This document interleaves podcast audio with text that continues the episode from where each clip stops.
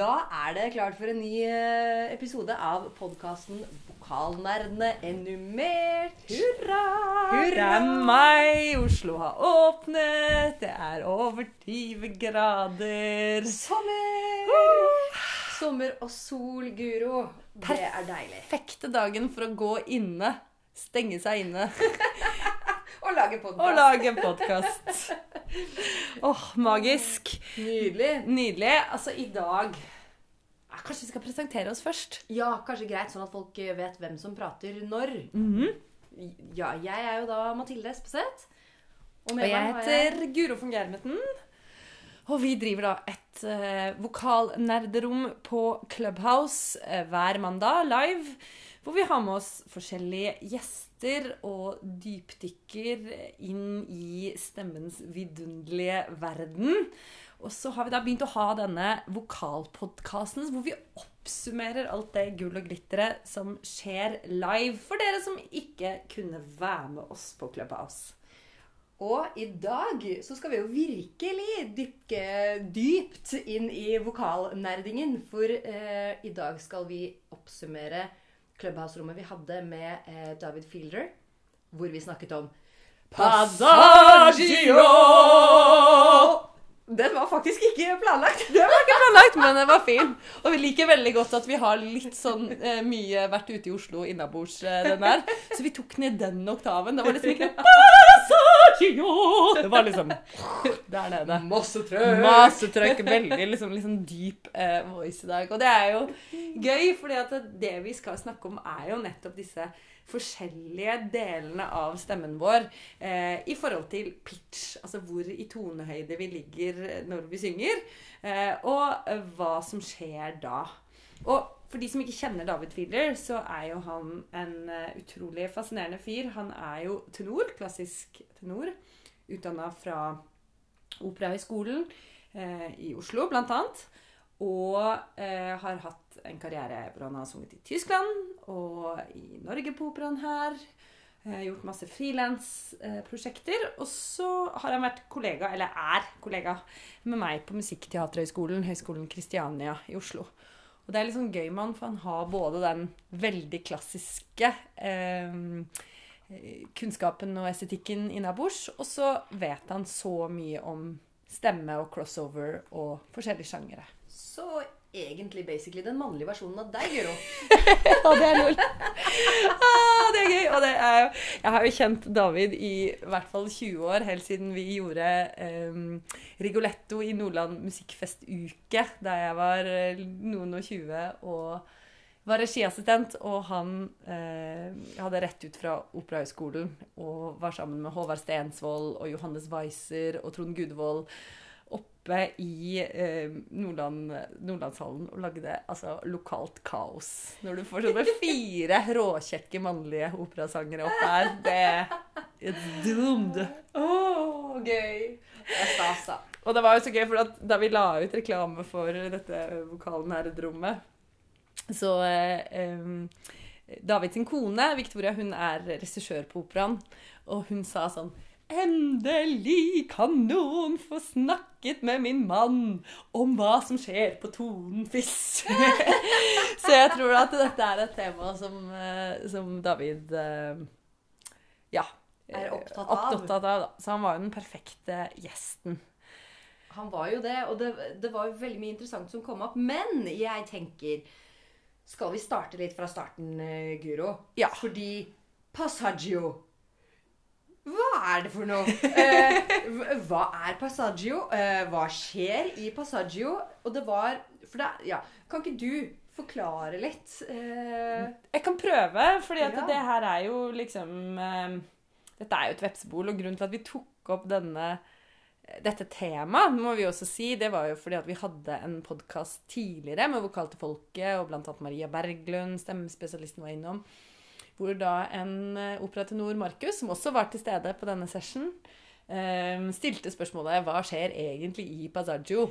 Og så ble det helt sånn det, prinsessa som ingen kunne målbinde-følelse. fem Fem vokalcoacher på bare sånn øh, OK, hvor skal vi begynne? Hvor mye skal vi si? Hva er relevant, hva er ikke relevant? Hvor anatomisk korrekte skal vi være? Hvor politisk korrekte skal vi være? Altså, det var bare helt sånn derre OK, where to start? Og da fant vi ut at vi måtte ha et egen session på det. Og jeg satt på båten hit, og jeg tenkte liksom OK, hvor skal vi angripe dette? Og jeg tror kanskje at vi skal angripe det fra complete vocal teknikk, eh, der hvor jeg kommer fra. Det syns jeg. Og så eh, snakke om liksom hvordan eh, Hvordan dette på en måte behandles da, innenfor litt forskjellige sjangere.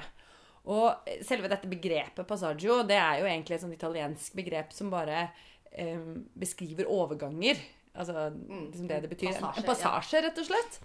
Um, og det, det man snakker om, er da passasje mellom registre i stemmen.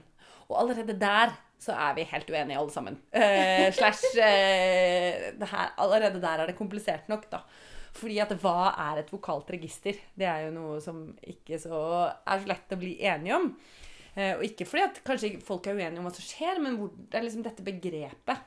Vi klarer liksom ikke å bli enige om hvordan dette begrepet skal brukes, da.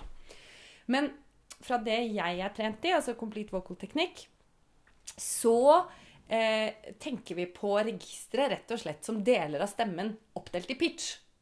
Mm. Så at vi har liksom na, Den oktaven, liksom. The low part of the voice. Liksom na, Og så har du fra da Middle part of the voice. Og så High part of the voice. Roughly. Um, så har du jo very high part opp der, og så har du very low part down there. Hvis du har fire oktaver uh, istedenfor tre, f.eks. Ikke sant. Sånn at uh, i complete vocal teknikk så er egentlig bare det pitch-området kaller man et register. Sånn at eh, man snakker om det uavhengig egentlig hva som skjer vokalteknisk i dette området. Ja. Mens andre igjen sier at mm, da liksom, Det er chest register, og så er det da, som er liksom et middle part, og så da, som er head. Mm. Sånn at eh, de bruker det registeret på den måten. Og så er det noen som sier liksom M2 down there, M1 in the middle, og så eh, mer en sånn falsettfunksjon da på toppen. Mm. Og så er jo litt problemet med, mener jeg da, med å, å allerede definere registeret i den forstand ut fra noe fysiologisk som skjer, er at vi ser jo at innenfor forskjellige sjangere så skjer det så mange forskjellige ting. Ikke sant? Ikke sant? Og det er jo at disse tankegangene med liksom chest, eh, head eller, og en slags mix eller middle eller eh, De er jo De kommer jo ut fra en sånn klassisk tankegang. At det er den måten på en måte stemmen eh, opererer best på. Eller er naturlig for stemmen i gåseøynene å gjøre. Og det har jo noen sannheter ved seg. Ja, for det er det- ikke helt usant. Det er ikke helt usant at vi resonnerer litt annerledes ofte her nede enn vi gjør der oppe. Men, men det er ikke så enkelt likevel, ikke sant? og det er jo det som er For det er noen som nailer å resonnere på en helt annen måte der oppe og på en helt annen måte her nede. Mm. Um, så det bor også i oss. Så hvis vi da har, da tenker at vi har den um, Nå må du rette meg. Dette, det som går rett opp, det er uh, vertikalt, ikke sant? Yes. Ja. yes. uh, det er liksom den vertikale linja som går oppover. Som, uh, som har da disse liksom Fra den lille C-en til enstrøken C som low, low part of the voice osv. osv. Gutta ligger jo da en oktav under oss, bare for å Roughly. Mm. Um, men så har vi jo da en horisontal linje som går bortover. Og i complete vocal teknikk så har vi jo da girene, eller modesene, eller vokalfunksjonene bortover. Og da har vi jo nøytral, den myke, softe, curbing, na, altså litt mer, på en måte volum på. Og så har vi da ved siden av der, så har vi da eh, overdrive, wow, wow, ikke sant, liksom football voice, shouty. Og så har vi helt sånn na! Altså den litt Veldig sånn mye metall. mye, mye metall og mye edge og Ja. liksom Ja, mye twank på og sånn. Mm. Så vi har på en måte da eh, disse girene som ligger på den horisontale linjen. Og det er fire gir. Fire gir. Mm. Og så er jo de knytta til volum. Så vi har da liksom én linje med pitch, og så har vi én linje med volum. Og, og, og da ligger sånn i midtleie så ligger det nøytral fra volumskala fra 1 til 10 på 1 til 4. Curbing fra 4 til 7 cirka i volum. Og så overdrive edge fra da egentlig fra 4 til 10. Men roughly ofte gjør vi det høyt. Ja. Altså vi gjør det i, Vi gjør det gjerne i 7 til 10. 7 til 10, ikke sant? Um, og så er det sånn at på da de forskjellige stedene tonehøydemessig, så opererer disse girene forskjellig. Det vil si at i, i the low part, eller middle part of the voice, så har vi alle fire girene tilgjengelig. Mm. Altså Vi kan velge å gjøre både sa og vi kan gjøre nei! Altså vi kan, De ligger der. Og ofte så er de lett tilgjengelig i en sånn mellomleie. Mm. Og så når vi er veldig eh, dypt ned i leie, så har vi på en måte færre muligheter. Fordi at en nøytral sier Altså vi, får, vi har ikke noe volum mer, f.eks. Så da kan det være uhensiktsmessig hvis ikke du har, er i studio med en mikk tett opptil, og, og bruke det giret. Eh, også på andre måten så ser vi at in the high part of the voice så har vi plutselig muligheten til å lage volum på nøytral. Sånn at si Der får vi liksom masse volum. Mm. Eh, men det volumet, høye volumet klarer jeg ikke å lage på nøytral. Lavere i pitch. Da må jeg skifte gir. Ikke sant? Sånn at det, vi har på en måte disse girene opererer forskjellig i de forskjellige delene av det vi kaller register, som er tonehøyde. Og så ser jeg da på Passaggio som disse områdene i stemmen, pitchmessig, hvor ting ofte blir litt komplisert. Fordi vi enten har mange valg, sånn at vi må ta et valg om hva vi vil gjøre, eller begynner å få færre valg. Ikke sant? Som eksempel hvis du synger i nøytral Ja. og har er på fireren din. Ja, Og så skal du egentlig høyere opp i pitch, men i, og også i volum. ja. Eh, og så Ikke sant, så du må forandre. Ja. Eller omvendt, da. At du kommer ned i pitch, egentlig, i Mm. nøytral, og du har ikke mer volum. mm. Så du må gjøre et eller annet. Og, og f.eks. veldig mange som er trent klassisk av jentene, syns det er vanskelig å, å finne volum nede. Fordi de prøver å ta med seg den klangen de har der oppe. Nede i pitch og Hvis du hadde gått ned hit, Ja. så kunne du faktisk kanskje hatt masse, masse Ja, ikke sant? Så hvis jeg hadde gått Og da får du den lille knekken Ja. som folk tenker på som passaggio. Og det er nemlig det som er greia. Fordi at nå demonstrerte jeg det med den knekken, bare for å vite at jeg skifta gir. Men det som ofte forbindes med passaggio-arbeid, er at man ikke vil ha den knekken. Sånn at eh, man må da finne måter å jobbe teknisk på stemmen. Sånn at stemmen later som det er én stemme. Det er jo én stemme, men den later som den gjør det samme hele veien. Henger At sammen. den henger sammen. ikke sant? Vi snakker om på en måte en, en, eh, en, eh, en, en gal stemme eller en helhetlig stemme. Coherent voice snakker vi ofte på engelsk. Eller liksom as a voice eller sånn type ting. Um, og så er det jo da at det som er nemlig greia, er at i, i sangteknikk generelt så ofte så har vi tre områder som vi kan gå inn og jobbe. Altså Vi jobber ofte det folk kaller for støtta. Altså Vi jobber med luftstrømmen, stabil luftstrøm. Regulere luft, altså det subglotale trykket. Altså alt det som skjer av lufttrykk under stemmebåndene. Ikke sant? Subglotal. Yes. Subglotale trykket. Subglotale trykket. Eh, og det er jo ofte det vi ikke sant? Det er på en måte, vi, vi, vi jobber med å, å kontrollere eller optimalisere luftstrømmen, som så møter stemmebåndene og setter i gang den vibrasjonen. Som igjen blir til lydbølger. ikke sant? Det er jo en Mm. enkel tretrinnsrakettfølelse på stemmeteknikk. Um, og så, så vi kan enten gå inn og jobbe med det, ehm, eller vi kan gå inn og jobbe med det som skjer på stemmebåndsnivå. For det er jo ikke sånn at stemmebåndene svinger på én måte. De svinger jo på mange måter. De har forskjellige svingningsmønstre. De kan svinge med hele seg. Nå lager jeg en sånn derre floppy selebevegelse her. Liksom at de vibrerer helt unnifra opp. Eller de kan strekke seg og vibrere litt mer inn og ut. Eller de kan forkorte seg og bare vibrere med en liten del. Eller de kan vibrere med alt, men på en måte ha deler som møtes, og deler som ikke møtes. Så får vi sånn luft på klangen som vi snakket om Mm. i forrige, eh, i forrige podkast. Mm. Um, altså, altså det er masse ting som kan skje på stemmebåndsnivå. Så det kan man gå inn og jobbe med. og så har du den akustiske posisjonen. Altså alt som skjer etter at luftstrømmen har møtt stemmebåndene og har blitt til vibrasjoner. Og så forsterker vi eller undertrykker forskjellige overtoner i vokaltrakten vår. Mm. Altså området fra over stemmebåndene til nese- og munnhulet. Og det er der vi på en måte bestemmer veldig mye om hvordan, hvordan miksen i klangen vår skal være. da. Altså, Det er der vi legger på vokalene og ja. Ja, ikke sant. Og det forsterker det på en måte som, som en sånn Det er den ytre delen av trompeten. Altså, Ja. som, ja. Yes. eh, også når det gjelder da Passaggio, så er det jo liksom eh, Altså, vi, det jo, vi jobber jo ofte med alle disse tre tingene for å, for å liksom få stemmen til å funke både i toppen og nede og alt mulig sånn. Men så er det noe som er så spesielt, tenker jeg litt, når vi snakker om problemer i Passaggio, eller utfordringer i Passaggio, er jo det at um, når vi går oppover i pitch, så skjer det to interessante ting på stemmebåndsnivå. Og det ene er at stemmebåndene må strekke seg for å kunne lage pitch. Mm, Altså, for de- å kunne gå oppover i Gå oppover, ikke må sant? strekke De må strekke seg, de blir lengre og liksom tynnere og mer spent.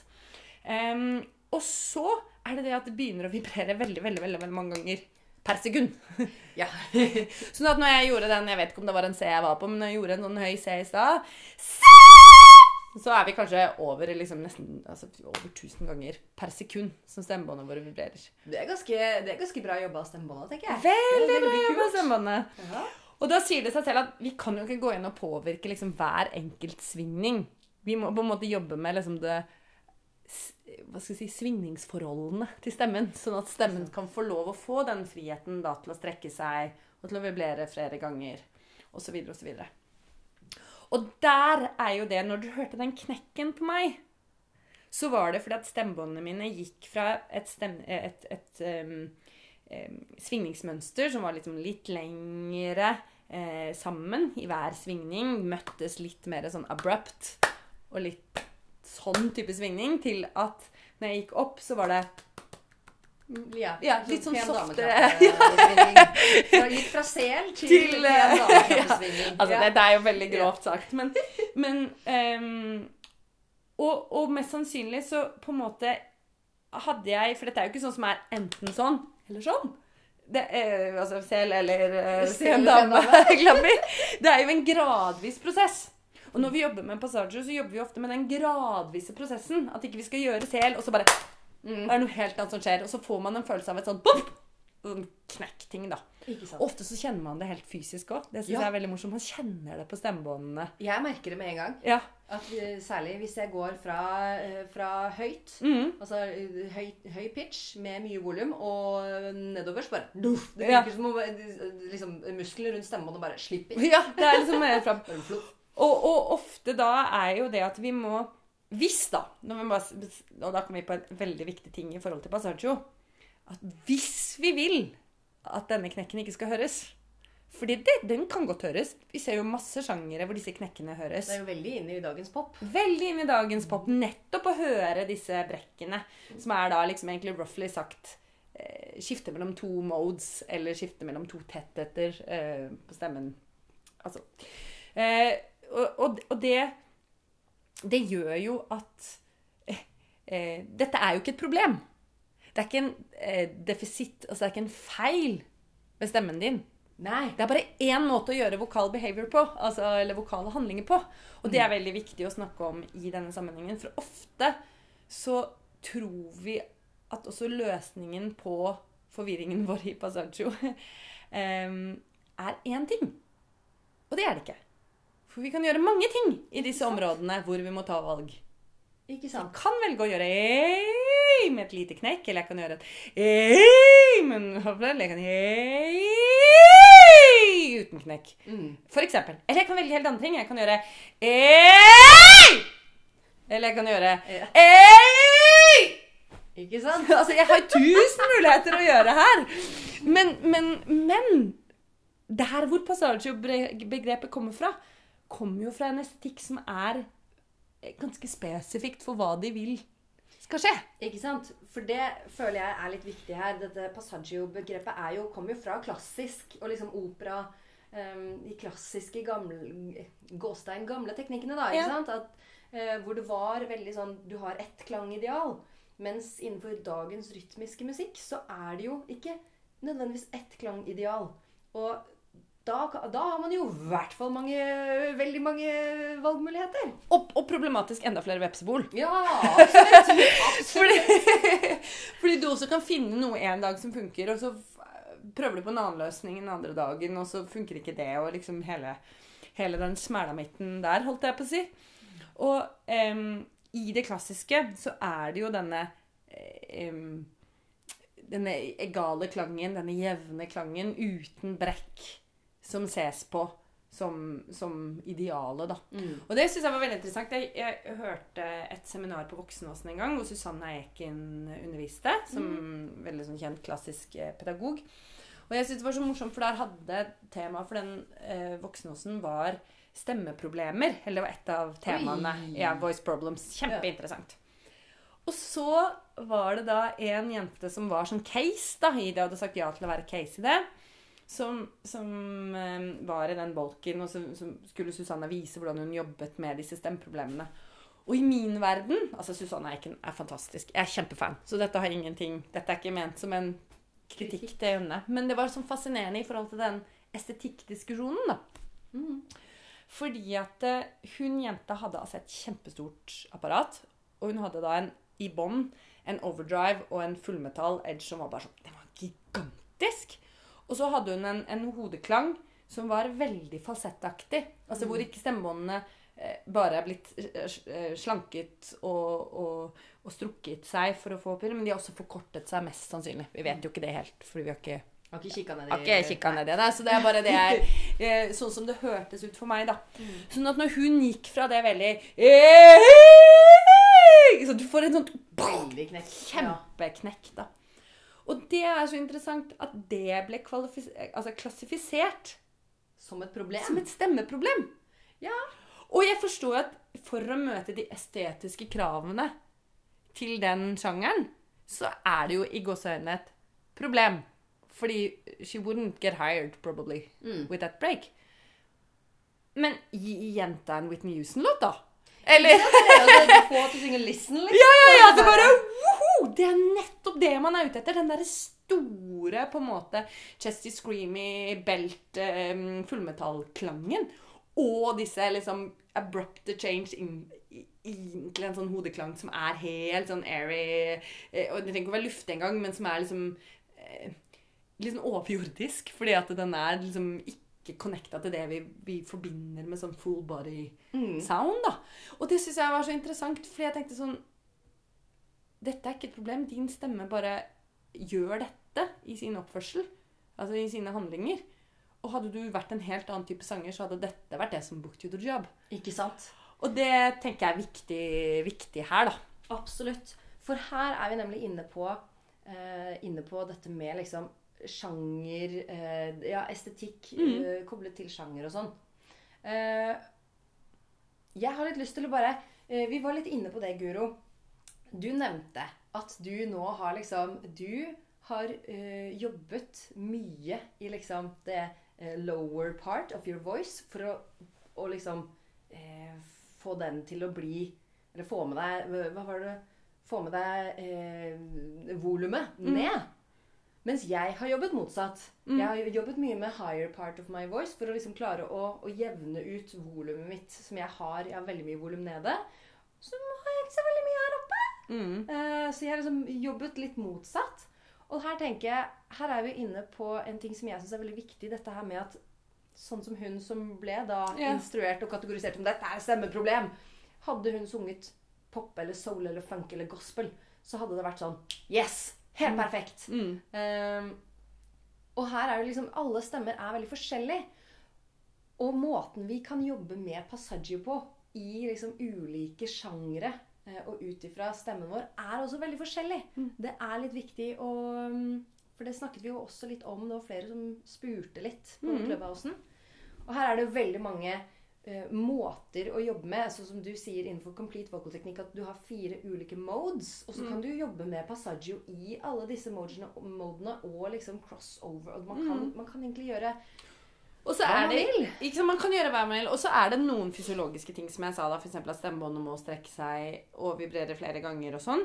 Um, og i den forbindelse så snakker vi ofte om liksom Det er jo ikke sånn at passaggio er én ting i stemmen. Det er ofte i flere liksom, pitchområder at dette gjør seg gjeldende. Så for eksempel for du og meg som er jenter, så har vi jo at vi kan ikke gjøre den wow! Den overdrive-klangen Mm. høyere enn D2. Ja. Um, sånn at når jeg kommer liksom Så må jeg, jeg Da hørte jeg at jeg skjefta til, til noe annet. Skifta litt vokal og ikke sant? Sånn, Fordi vi, vi, vi kan gjøre ting som gjør at jeg opprettholder en sånn eh, chest voice, hvis det er det man kaller det, fullmetallfølelse lenger opp. Men da må jeg skifte gir. Gjerne til Mm. edge eller til en veldig tvanga curbing eller noe sånt noe. Men men tingen er at det, den er der. Den er der fysisk. Mm. Og den kan jeg ikke. Er, uansett hvor mye jeg trener, så klarer jeg ikke å gjøre overdrive høyere. Jeg kan bløffe det sånn at det høres ut som en voice. Again. Men det som skjer fysiologisk, er ikke det samme. Ikke sant. Um, og, og det som jeg syns er veldig gøy av å høre på David For nå snakker vi jo veldig mye om at forskjellige sjangere har forskjellige måter å gjøre det på. Men det som var gøy med David når han snakket, var jo at han han gjorde oss jo opp, også oppmerksom på at innenfor det klassiske, altså som fortsatt defineres liksom som det klassiske estetikken, så gjør jo folk forskjellige ting òg. Og han sa jo 'hør på den utøveren', og 'hør på den utøveren'. Hva de gjør da. Spesielt for gutta når vi snakker om passaggio, så er det jo liksom E, F, fis, Fis. overgang til G. Yes. Um, og og, og det, han Markus som var der, beskrev det som at liksom, ja, men der oppe er det helt fritt. Der under er det helt fritt. Og i disse tre-fire tonene så er det bare vepsebol. Mm. Eh, og mest sannsynlig har jo han da et annet gir på den G-en som føles veldig fritt. Og så har han et annet gir der nede som føles veldig fritt. Og så er spørsmålet hvordan kommer han seg fra det giret til det giret. Og da er det enten å moderere det giret man er i, før man går over til det andre giret, eller skal man ha et gir imellom der. Ikke som man er innom. Ikke sant? Altså, Så man bare tweaker sånn tweaker, liksom så man går Yes. f.eks. fra overdrive til curbing til nøytral. Mm. Ikke sant? Det, det, fins jo så mange måter å ta disse valgene på. Og det syns jeg var så kult med David, for han sa liksom hvis du hører på den som gjør det, det de velger, velger å gjøre det på den måten. Og så hører du på den utøveren, og de velger å gjøre det på den måten. Og så er spørsmålet litt sånn Hva liker du? Mhm. Hva liker du, og hva funker for deg? Hva funker for Hva deg? syns du er behagelig? Hva syns du er behagelig, og hva syns du er enklest å gjøre? Og enklest er ikke sånn Når vi snakker om enkelte sang, så er det ikke sånn eh, ved første eh, Altså sånn ved første forsøk. At, Nei, sånn, ja. men, men det er Hva på en måte kjenner du at kan funke når du har øvd inn og bygget inn i muskelminnet ditt, da? Absolutt. Og det er jo sånn fordi at hvis jeg går fra og så får den derre veldig sånn Jodleknekken. jodleknekken, så på en måte er jo ikke jeg konstant i min energi. På, altså jeg, jeg krever litt liksom kroppslig arbeid av meg. Nå snakker jeg bare om meg personlig. Mens jeg krever ingenting. Mm. Fordi at det der stemmebåndene mine jobber ikke på full maskin, på en måte. Sånn at eh, for meg, for eksempel, hvis jeg skal gjøre uten knekken, så må jeg virkelig liksom i det området hvor stemmen min var vant til å bare switche litt gir, sånn uforbeholden, så må jeg være liksom mye mer presis med kløtsjen. Mm. Ikke sant? Kløtsjen er jeg, skal ikke si at kløtsjen er motoren, for det er jo ikke det. Men, men, men det er liksom, det er liksom noe med den der som gjør overgangen. den overgangen, ikke sant? Vi må Mm. på en måte Og det tok lang tid når jeg kjørte bil. Fra at det ble sånn «Hokk!» Hver gang jeg skulle liksom skifte gir, og bilen hoppa litt. Og, ja, kengru kenguru hoppa liksom. Til du får den derre mm, smooth. Og det er litt det samme. Mm. Og det, i det området så kan man gjøre mange ting. Man kan jobbe med, da, med støtta eller med, med på en måte energien i kroppen og muskelbruk i kroppen. Eller man kan jobbe med posisjonen, akustiske Mm. posisjonen. At de, ja, endre den, eller beholde den, hvis man vil fake det. Sånn at eksempel hvis jeg har lyst til å ha en litt mer sånn rytmisk approach på det, så Så prøver jeg å beholde Mm. Nå fikk jeg et lite knekk, men, men, eh, men liksom det er da må jeg trene med å holde det, hvis jeg ikke vil ha liksom altså, Ja. For da har jeg forandra mye der oppe. Mm. Nei, der oppe er noe. Der, der oppe, oppe i det akustiske rommet i munnhulen. munnhulen. Ja. Eh, Eller jeg kan da liksom kontrollere eller tøyle det med å, å virkelig liksom la, som David snakket om, la stemmebåndene virkelig får lov å strekke seg. Trene på å strekke. At ikke det bare er liksom Øy! Og at det er struphodet som går Ja. kjempefort opp. Men at man får liksom vært med på strekken eh, og så videre. For eksempel, da. Og mm, vi har jo snakket mye i, i dag, da, som, som dere hørte, dette med hvor man trener for å få til noe. Og mm, jeg har jo en ganske mye sånn lettere stemme enn deg. Ehm, du har jo det volumet som jeg jobber hver dag for å få. Eh, Og, og du har jo toppen som jeg jobber veldig for å få. ikke sant? Sånn at, sånn at eh, mm, Det er jo ikke alltid sånn heller at man nødvendigvis jobber direkte i passasjon for å fikse passasjon. Nei, ikke sant? Fordi at eh, jeg eksempel trenger da å liksom jobbe Og det var faktisk David, eh, sangtime med David, eh, som, som fikk meg på det. At jeg må jobbe i den nederste oktaven min.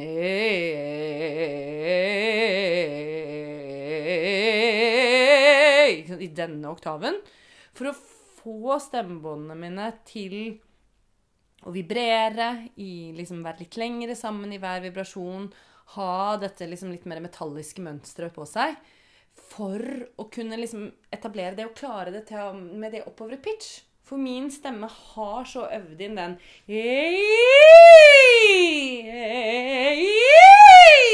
Ikke sant? Den softe overgangen. Men hvis jeg da ikke vil gå til headvoice eller nøytral der oppe, så må jeg bli vant til det andre giret. Og det kommer naturlig, altså i gåseøynene, er enklere for stemmen å gjøre ned i pitch. Ikke sant. Mens du derimot, som da vil ha den lette der oppe, eh, må kanskje begynne fra toppen. Begynne fra liksom noe som er lysere. Altså, ei, ikke sant? Dette med å ikke ta med deg alt nedenfra, mens jeg må ta med alt nedenfra for å ha noe der oppe. Ikke sant? Så der er vi litt motsatt. Og det er jo, som, som du har nevnt, for min del for Det er mange ting som kan jobbes med. Det er ikke sant, eh, luftstrømmen. Hvor mye luft? Fordi jeg er vant til å bare wow, peise på. ikke sant? Hey! Masse, masse luft, masse lyd. Ja, eller du har masse lufttrykk. Eller du har et høyt Høyt lufttrykk. lufttrykk. Det er akkurat det. Så jeg øver på Ikke sant? Ja Ta ned Ja, ja, ja. Ned lufttrykket mitt og liksom bare roe reka, eh, Ja. som jeg pleier å si. Ehm, så det øver jeg på Mm. for å kunne klare og i det hele tatt Og så har jeg jobbet med liksom det, Dette har jeg jobbet mye med Ole Anton uh, Thomassen med. Som også har vært en litt innom klubbhausen vår. Han var her på Passaggio. Han var på Passaggio, stemmer det. Eh, så han, han har hjulpet meg med det, og da liksom starter jeg i lavt volum. Og så har jeg prøvd å øke volumet litt eh, for å liksom få til den overgangen, da. Men der stopper det også i volum. Hvis jeg skal liksom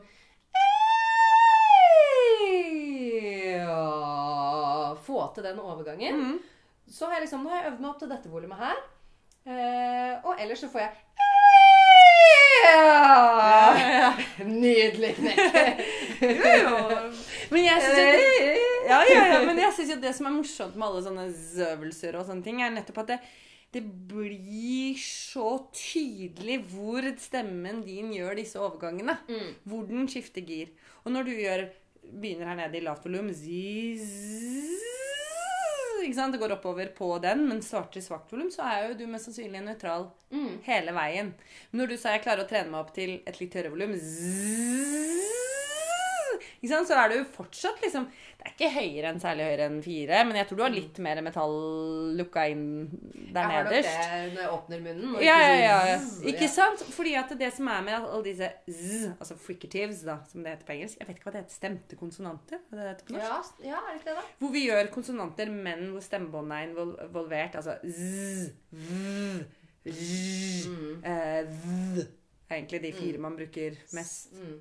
Fordi at s Mm. har ikke stemmebåndsnivå med Samme er bare på en måte lepper og luft, ikke sant? Så det er forskjell om det er stemmebåndene er involvert, om de er voice, da, som man sier på engelsk, eller ikke. Og disse fricatives er jo litt sånn i samme familie av type øvelser som f.eks. altså lip, eh, lip trills, eller rrr, eh, lip, eh, tongue rolls. Mm. Eh, Lip rolls, tongue rolls. Tongue rolls, Mm. mm, fricatives, og også mm, mm, altså m-er og n-er, som man også kan eh, synge på. Mm. Em, Og det som de gjør, er jo at de lager et lite rom i munnen. Altså De lager et oralt, ikke et subglotalt trykk, men de lager et oralt trykk som hjelper stemmebåndene å balansere det trykket som kommer underfra, fra luftstrømmen. Sånn at de måte, det, det trykket du da skaper med den, den semi-open, egentlig eh, Altså at ikke du har munnen fullåpen, men Mm, er ganske en liten. æ, Nei, det er en zzz. zzz. Det er en Mm. liten åpning i munnen foran. Hjelper da igjen på svingningsforholdet. Ikke sant. Så at det da på en måte, for da, Idet stemmebåndene våre svinger og møter lufttrykket, så er jo de med å regulere lufttrykket. Eh, så hvis vi da på en måte overlater hele det ansvaret til stemmebåndene, Mm. så kan man liksom komme litt i trouble. Men f.eks. med twang, som jeg tror vi skal snakke om en annen gang ehm, eh, altså En liten komprimering av musklene rett over altså eh, stemmelokket, epiglottis og arytenoids. Uh, Arytenoids, ja. ja, altså på norsk heter det vel eh, pyramidebruskene. Eh, de kommer litt nærmere hverandre. Så, så hjelper vi allerede da til å justere med et lite sånn overtrykk. Og på samme måte gjør vi da med zzz, altså den motstanden vi får da i munnhulen, det orale trykket der, det hjelper også å balansere overtrykk og undertrykk, sånn stemmebåndene får frie, eller friere svingningsforhold. da. Og hjelper å holde disse svelgsnørene som vi også har vært inne på. Som vi også sikkert må komme tilbake til. Eh, liksom, at de bare gjør det de skal, og ikke skaper trouble for oss. Rett og slett. Og ikke har babu-babu-mode, som jeg eh, kaller det for. Sånn at, um, sånn at alle disse øvelsene, da, ikke sant, sånn zzz og Ikke sant? Alle disse øvelsene er veldig sånn gode øvelser både til å eh, finne ut hvor knekken vår kommer. For jeg tenker Det er jo første, første skritt. Finne Ja. ut hvor kommer knekken din, og, og hva, hva gjør du Ja. den kommer. Ikke sant? Og hva har du lyst på Ja. istedenfor? Har du lyst på knekken, eller lyst på mer volum, eller lyst på mindre volum? Har du lyst på mer knekk? Jeg har lyst på mer knekk. Det er, altså jeg skulle gjerne hatt mer knekk eh, til å kunne sette inn. Ja, ikke sant? Alltid sånn der, sånn Kelly Clarkson som liksom knekker både på eh, onset og offset. Ja. Jeg bare ha, Klarer ikke. Eh, Ja, men kanskje noen som hører dette, har noen øvelser for hvordan man Ja, kan få mer hvordan kan Guro få countryknekk all over? Det vil jeg gjerne Deg vil jeg date. Ja. Nei um, men, men nettopp det er tingen, fordi at det, igjen Det dreier seg om hva er det vi vil ha? Hvilket estetisk output vil vi ha? Og hvordan How to make it feel good. Mm. Sånn at vi Hvordan- kan Ja. ja, sånn at det, det, det føles fri, fritt. Altså, og fritt ikke som ikke at det ikke føles som at du må jobbe eller konsentrere deg. Det koster deg energimessig og konsentrasjon og, og finkalibrering. Men, men, men det må på en måte eh, føles godt i at det ikke føles for trangt, eller du får vondt, eller du blir sår, eller du begynner å hoste, eller ja, klø, eller sånn type ting. Ehm, og så gjerne orienter deg etter volum. Mm. Hva slags volum ønsker du? Og hva slags type lyd Mm. er det du vil ha? Vil du ha en liksom forward eh, placed eh, bright sound? Eller vil du ha den litt mer som David også kalte et med cover? Som kommer inn Mm. i det klassiske. Han snakket om hvor mye har du lyst til å, å covre lyden. Dekke. Dekke lyden, Mm. liksom. Og da er vi litt inne på liksom curbing, reduced density i Mm. CVT. Altså istedenfor Altså den der Mm. forskjellen mellom Istedenfor! Mm. Dette er jo ekstreme forskjeller, men Ikke sant? ja, og, og der er det heller ikke enten-eller. Der er det liksom Nei. helt sånn subtle. Du kan ha litt mer cover, litt mindre cover. Og igjen, der er det sånn Er du eh, Skal du være heltetenor? Eller skal du være lyrisk tenor? Eller skal du være mezzo? Eller skal du være lettsopran? Alle disse tingene har innvirkning på hvordan vi ønsker at disse områdene hvor vi må ta den ekstra vokale valg, Absolutt. eh, løses. da. Så her er vi liksom For å oppsummere litt, da. Mhm. Eh, jeg skal ikke oppsummere Passaggio. Passaggio er overganger, eh, og da hva som skjer, liksom hvordan vi rent fysisk bruker kroppen vår. Det er jo det fysiske det handler om. Hvordan vi bruker eh, jobber med det subglotale trykket. Da har jeg, var det riktig? Veldig fint. Eh, hvordan vi jobber med stemmebåndene, og Mm. hvordan vi jobber med liksom eh, munnhulen og res Ja. akustiske våre. Det akustiske rommet, Ja. på en måte. Eh, så hvordan vi jobber med det. Og så er det rett og slett veldig individuelt hvordan, hvordan vi jobber med det. Fordi det kommer helt an på hva du ønsker, og hva som føles godt for deg. Mm, Og hva Så som er lett for deg. Ja, hva som er lett for deg. Så her er liksom eh, egentlig oppfordringen til å bare teste ut. Øv, test ut ulike, ulike da helst glissando-øvelser. Hvor du glir på tonene og, og sånn. Og så kanskje teste ut det litt først. Og så, og så kan man jo begynne å jobbe eh, spesifikt skala Mm. i områder hvor man tester ulike vokaler, tester ulikt trykk, tester ulikt volum. Mm. eh, ikke sant, Og jobber litt derfra.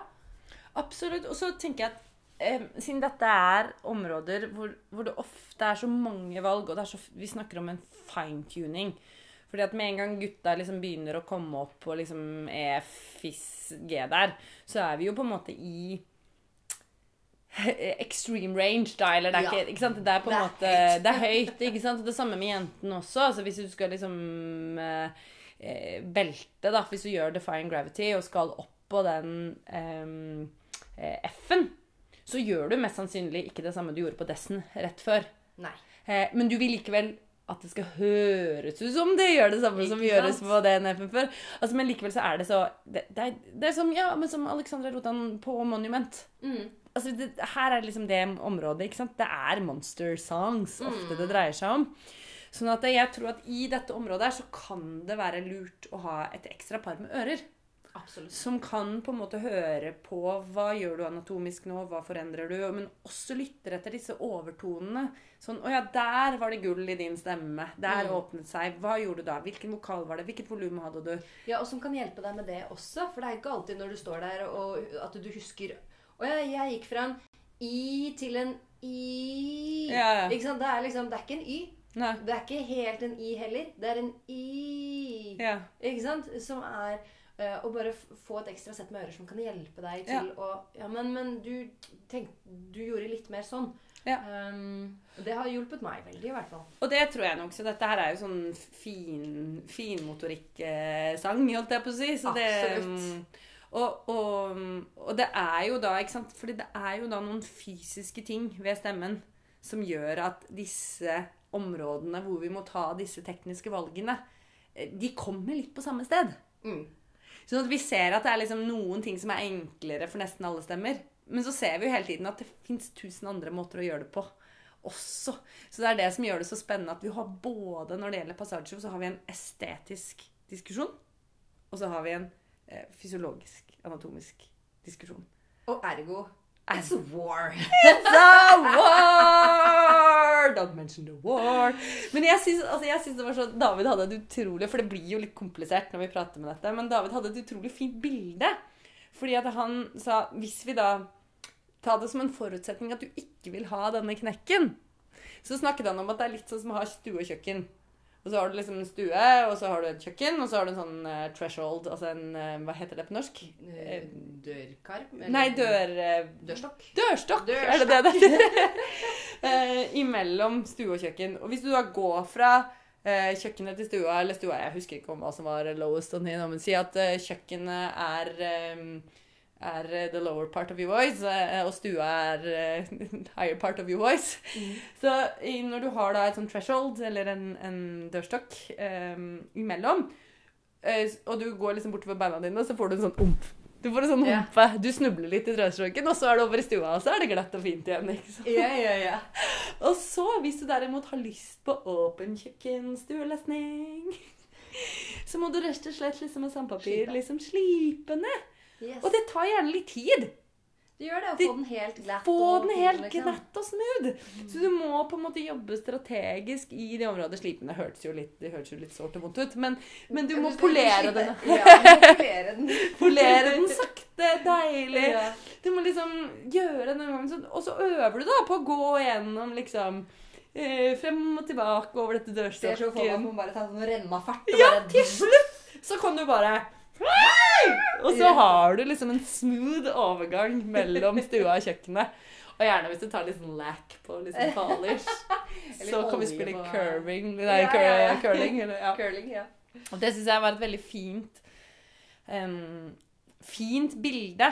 Fordi at um, Fordi at det som regel så vil jo folk når de kommer til oss, ikke ha den knekken. Mm.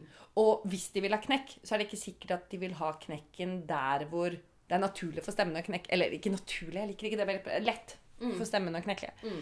Eh, De vil gjerne ha knekk helt andre steder. Eller at hvor det høres annerledes ut. Ja, Ja. ikke sant? Sånn at, det, sånn at det derfor så, så er det på en måte en sånn Det er jo selvfølgelig en vocal skill å kunne gjøre disse overgangene uten abrupt changes. Altså Mm. veldig sånne auditive brudd.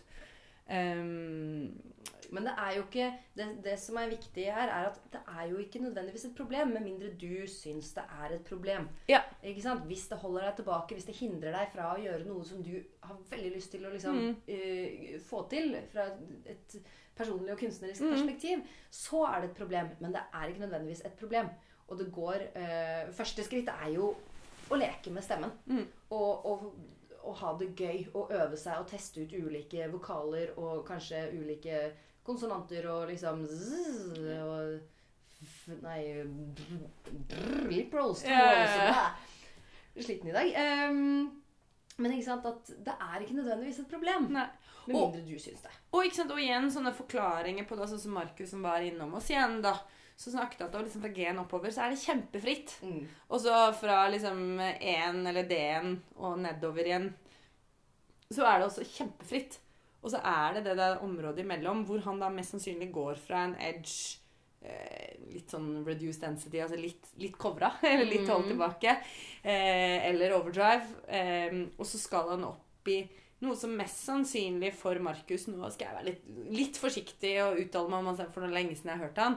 Men, men er Han gjør både noen helt nydelige curbing eh, der oppe, og så gjør han også en veldig sånn fri nøytral. Og spesielt hvis du har nøytralen der oppe, Mm. så virker den så fri. Ja. Fordi at den er liksom Da, da er ikke stemmebåndet så lenge i vel og hver svingning, sånn at liksom rommet til å strekke seg og alt det er der. ikke sant? Og Sammen med curbing, at de kanskje de har strukket seg litt lenger opp og svinger litt mer inn og ut. ikke sant? Alt dette er sånn gode strategier for stemmen å nå høy pitch på. Mens da hvis han kommer fra en overdrive eller en edge, så er det kanskje liksom Noen ville sagt for mye masse. Ikke sant? Man tar med seg for mye masse av stemmebåndet. Jeg bruker jo at det er litt for lang lukketid, som gjør at det kan være litt komplisert. Eller, eller at hvis han holder på den, det giret da for lenge, Mm. så blir overgangen til det andre giret så veldig stort. Sånn at det, Da dreier det seg om å finne strategier for å gå fra dette mer fullmetalliske inn til f.eks. nøytral, eller liksom Å velge da Er det da via å gå eh, Ikke sant? At du går Ja. den veien. Eller er det eh, Ikke sant? Vi har gått innom curbing. Ja. Altså, det fins mange måter å gjøre det på. Og den curbingen er jo heller ikke én ting. Eller den nøytralen er jo ikke én ting. Det har jo med jo Og det har jo med så det har jo med alt Nå blir det jo helt og det, og det er jo ikke sant, Stemme er jo ikke entall. Stemme er jo flertall. Og det syns jeg er jo så morsomt i det klassiske, fordi jeg hadde en kompis som sa liksom Altså, De kamuflerer jo alltid denne litt sånn mørke klangfarven. You will get away with murder. Altså, Og det syns jeg er så er jo nettopp det at man prøver å fordekke alt for at det skal bare høres ut som Det er bare noe sånn estetisk vakkert som bare og Beauty som bare er det skal jo høres litt umenneskelig ut. Det skal høres litt umenneskelig ut. Det skal ikke være for alle liksom Nei. å klare å få det til. Nei. Og de, det er jo akkurat det. Det Mm. ligger veldig mange timers arbeid Mm.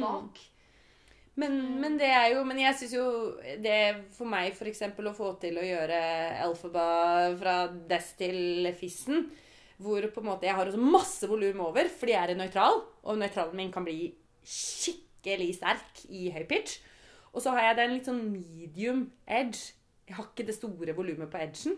Sånn at jeg kommer da, Men likevel så er da når jeg har- er i mellomleie og, og litt opp mot høyden i det, så får det likevel en del volum. Mm. Men så kommer jeg da i min på en måte passaggio, min rytmiske passaggio i mm. gåseøynene, hvor F-en ligger helt nydelig i en twanga nøytral som har masse volum.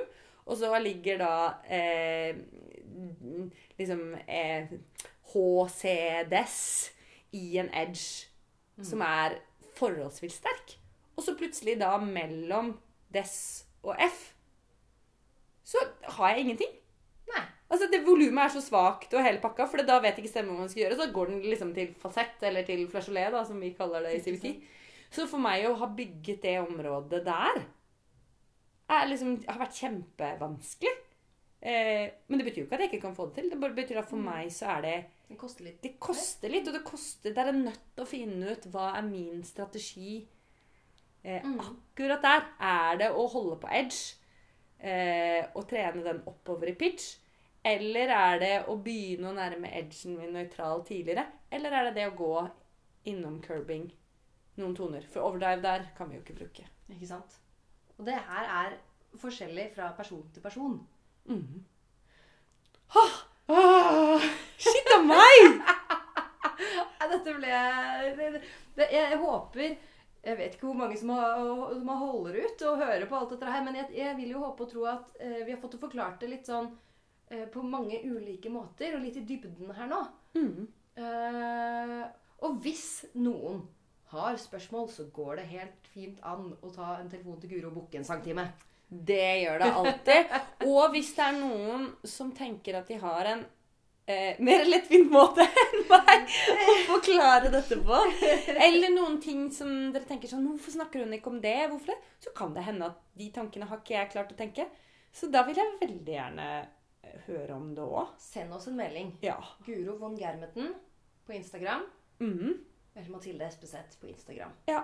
Fordi her Let's talk about the war. Yes. Ha det! Ha det! Det ble veldig